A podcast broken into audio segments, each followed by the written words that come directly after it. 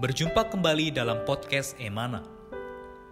Renungan-renungan yang menguatkan iman ini diambil dari tulisan-tulisan saudara Watchmeni, seorang pelayan Tuhan yang sangat mengasihi Tuhan sampai akhir hidupnya. Semasa hidupnya, Tuhan memakai saudara Watchmeni untuk menyingkapkan banyak terang dan wahyu Alkitab.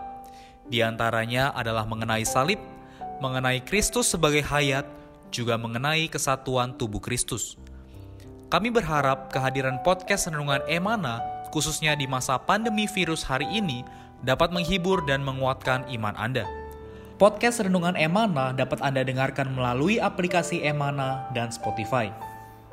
Anda dapat menghubungi kami pada nomor hotline Emana di 0851 5677 2397. Sekali lagi Anda dapat menghubungi kami pada nomor hotline Emana di 0851 5677 2397. Buku-buku saudara Watchmeni secara lengkap dapat Anda peroleh di toko buku Yasmerin, Tokopedia, Google Playbook, atau di website resmi yasmerin.com. Selamat menikmati seri renungan hari ini. Mulia bagi Tuhan, saudara-saudari, selamat eh, berjumpa kembali kita bersuka cita bersama-sama meskipun kondisi pandemi dan belum ada penyelesaian bagaimana, namun kita terus ada dalam kasih Tuhan. Hari ini saya dengan didampingi oleh saudara Irfan, kita akan sama-sama mempelajari apa yang telah kita bahas selama satu minggu ini, yaitu jika seorang berbuat dosa. Saudara-saudari sekalian, kita melihat dalam hari ini judulnya adalah memulihkan persekutuan dengan Allah, bagian yang kedua yang diambil dari 1 Yohanes 2 ayat 1 sampai 2 yang berkata, Anak-anakku, hal-hal ini kutuliskan kepada kamu supaya kamu jangan berbuat dosa. Namun jika seseorang berbuat dosa, kita mempunyai seorang pengantara pada Bapa, yaitu Yesus Kristus, yang adil, dan ia adalah pendamaian untuk segala dosa kita. Dan bukan untuk dosa kita saja, tapi juga untuk dosa seluruh dunia. Amin. Si Tuhan, Lihat ayat ini, apa yang bisa kita dapat, Saudara Irfan? Ya, puji Tuhan ya untuk ayat yang sudah tadi dibacakan. Jadi kalau kita bicara mengenai dosa ya, ini sangat menarik ya, khususnya ketika seseorang sudah beroleh selamat, percaya Tuhan. Kok ya. dia masih bisa berbuat dosa? Kemudian bagaimana keselamatan yang dia terima? Apakah dia diselamatkan atau bagaimana kalau dia berbuat dosa ya. Nah, judul kita perkara mengenai memulihkan persekutuan dengan Allah ya. Jadi uh, ini kiranya bisa menguatkan kita semua. Uh, kita perlu nampak keselamatan Allah itu kekal ya dan sungguh lengkap dan sempurna. Jadi ketika kita berbuat dosa kita yang percaya kepada Tuhan berbuat dosa, maka ada persekutuan antara kita dengan Allah yang terhalang.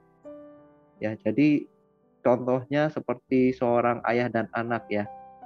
Seorang anak berbuat salah kepada ayahnya, berbuat dosa. Apa yang terjadi? Dia tetap menjadi anaknya karena dia langsung lahir dari sang ayah gitu ya.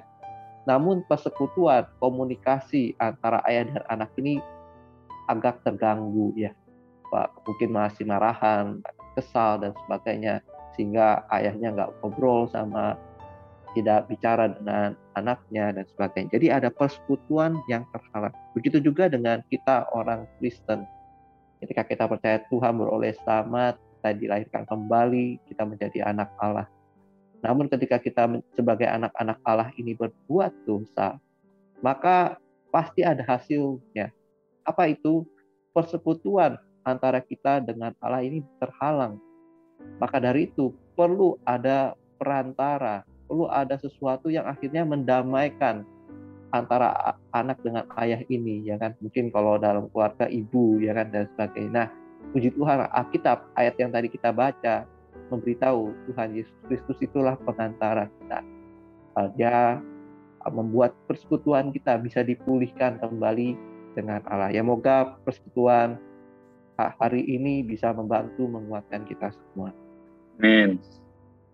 Di Tuhan ya, Jadi saudara-saudari, apa yang tadi sudah Irfan sudah katakan juga kembali menerangi saya, semoga juga bisa menerangi dan menguatkan saudara-saudari sekalian. Amin. Jadi kita eh, perlu berkomunikasi tiap saat dengan menjauhi juga segala sesuatu yang dibenci oleh Allah. Baik saudari, Yohanes ya menunjukkan bahwa Allah sempurna, maka standarnya juga sempurna. Nah, Rasul Yohanes berkata, supaya kamu jangan berbuat dosa, tapi Allah juga tahu kelemahan karena kita debu dan tanah.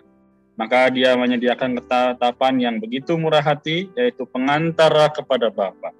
Puji Tuhan, kata pengantara dalam bahasa Yunani adalah parakletos, mengacu kepada pengacara. Tuhan Yesus adalah pengacara kita kepada Bapa, saudari. Ketika kita berdosa, berdasarkan pendamaian yang dirampungkannya, dia di samping kita menangani kasus kita dengan bersyafaat, ya, seperti dalam Roma pasal 8 ayat 34. Dan dia memohon bagi kita. Kalau melihat ini, apa yang bisa menjadi satu dorongan bagi kita, Saudara Irfan? Ya, jadi puji Tuhan ya untuk kalimat tadi benar tepat adanya. Uh, kalau misalkan apa kita melihat pengacara ya, wah itu sangat diandalkan ya oleh orang-orang yang khususnya lagi mau apa menghadapi pengadilan karena dia bersalah dan sebagainya. Dia berharap pengacara itu untuk bisa menyelamatkan dia sehingga kalau misalkan ada tuduhan dan sebagainya bisa diringankan dan sebagainya ya. Jadi uh, puji Tuhan kita punya pengantara, kita punya pengacara yang handal ya. Dan ketika bicara mengenai ini, saya ingat firman Tuhan yang menggunakan kata pengantara juga itu di Ibrani pasal 7 ayat 25 ya. Di sana dikatakan karena itu ia sanggup juga menyelamatkan dengan sempurna semua orang yang melalui dia datang kepada Allah. Sebab dia hidup senantiasa untuk menjadi pengantara mereka.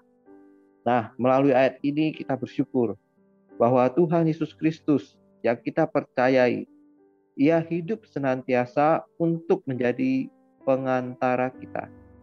Eh, kemudian melalui ayat ini kita yakin ya, karena Tuhan menjadi pengantara kita, pengacara kita, dia sanggup memulihkan persekutuan kita dengan Allah.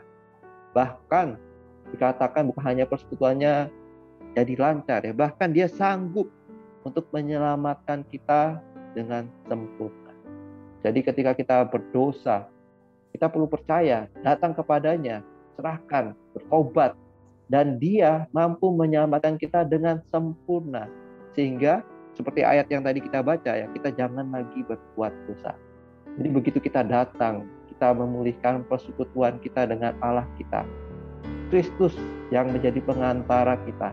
Dia akan memberi kita tenaga, kekuatan, sehingga kita bisa menang atas dosa itu, atas hal-hal yang kita lakukan. Jadi ya moga kita mengalami Kristus sebagai pengantara pengacara kita, hubungan kita dengan Allah tidak ada sekatannya sama sekali. Amin. Tunggu ya saudara-saudari pendengar podcast Emana, di mana pun kita berada, apa yang tadi saudara Irfan sudah katakan, benar sekali bahwa memang kita harus uh, bersekutu ya juga melihat apa sih yang sebenarnya Yesus kerjakan sebagai pengantara kita. Saudari, karena Tuhan Yesus mati dan menjadi pendamai kita, ia patut menjadi pengantara kita kepada Bapa. Jika kita berbuat dosa, maka jalan ke pemulihannya hanya satu, yaitu datang ke hadirat Allah dan mengaku dosa-dosa kita, serta percaya bahwa Tuhan Yesus Kristus telah menjadi pengantara kita yang telah menanggung segala dosa kita. Kapan kala kita mengakui dosa, maka persekutuan kita dengan Allah akan pulih. Sukacita dan damai sejahtera yang dulu hilang akan kembali kepada kita. Terakhir, kita harus tetap mengatakan orang Kristen tidak seharusnya berbuat dosa. Karena ini akan menyusahkan dan merugikan kita. Semoga Allah memelihara kita dalam persekutuan dengan Dia tanpa terputus dan kita dapat bertumbuh. Amin. Bagaimana, Saudara Irfan, menurut uh, pembacaan ini, apa yang bisa kita dapatkan? Ya, jadi melalui pembacaan tadi kita nampak satu hal ya, bahwa sebagai orang Kristen kita perlu punya satu kehidupan yang datang ke hadirat Allah, kemudian mengaku dosa-dosa kita ya. Jadi hari demi hari kita perlu mengaku dosa kita. Saya ingat ketika perkara mengaku dosa ini ya, di 1 Yohanes pasal 1 ayat 9, di sana dikatakan, jika kita mengaku dosa kita, maka ia setia dan adil sehingga ia akan mengampuni segala dosa kita dan menyucikan kita dari segala kejahatan. Nah, melalui kita mengaku dosa, kita memberi Allah jalan untuk menyucikan kita. Begitu dosa kita diampuni.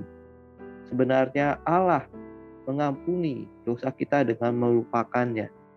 Dan karena Allah lupa, ketika dia datang melihat Kristus yang sudah menggantikan kita, yang menjadi pengacara kita.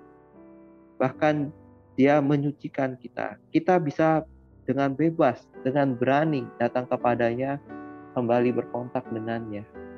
Ya, kalau kita memiliki hadiratnya, berkontak dengan dia, maka kita akan memiliki damai sejahtera ya. Jadi uh, perlu mengalami ini, menerapkan ini di dalam kehidupan kita ya.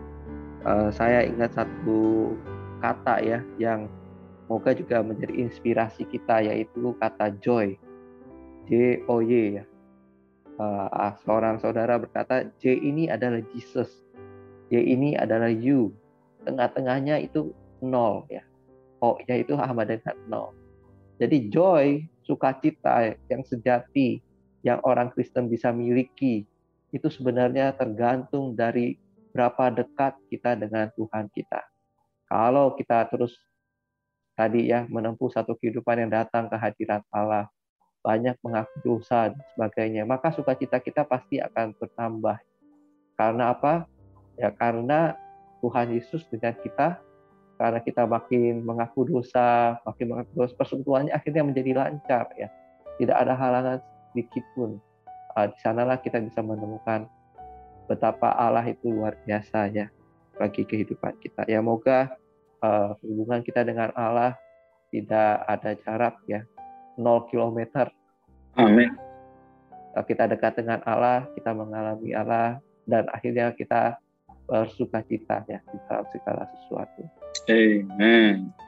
Amin ya, saudari. Sungguh ilustrasi yang sangat juga menerangi saya. Yang terakhir tadi saudara Evan katakan bagaimana kita hari ini ya betul-betul harus menyadari ya bahwa kita harus 0 km dengan Tuhan.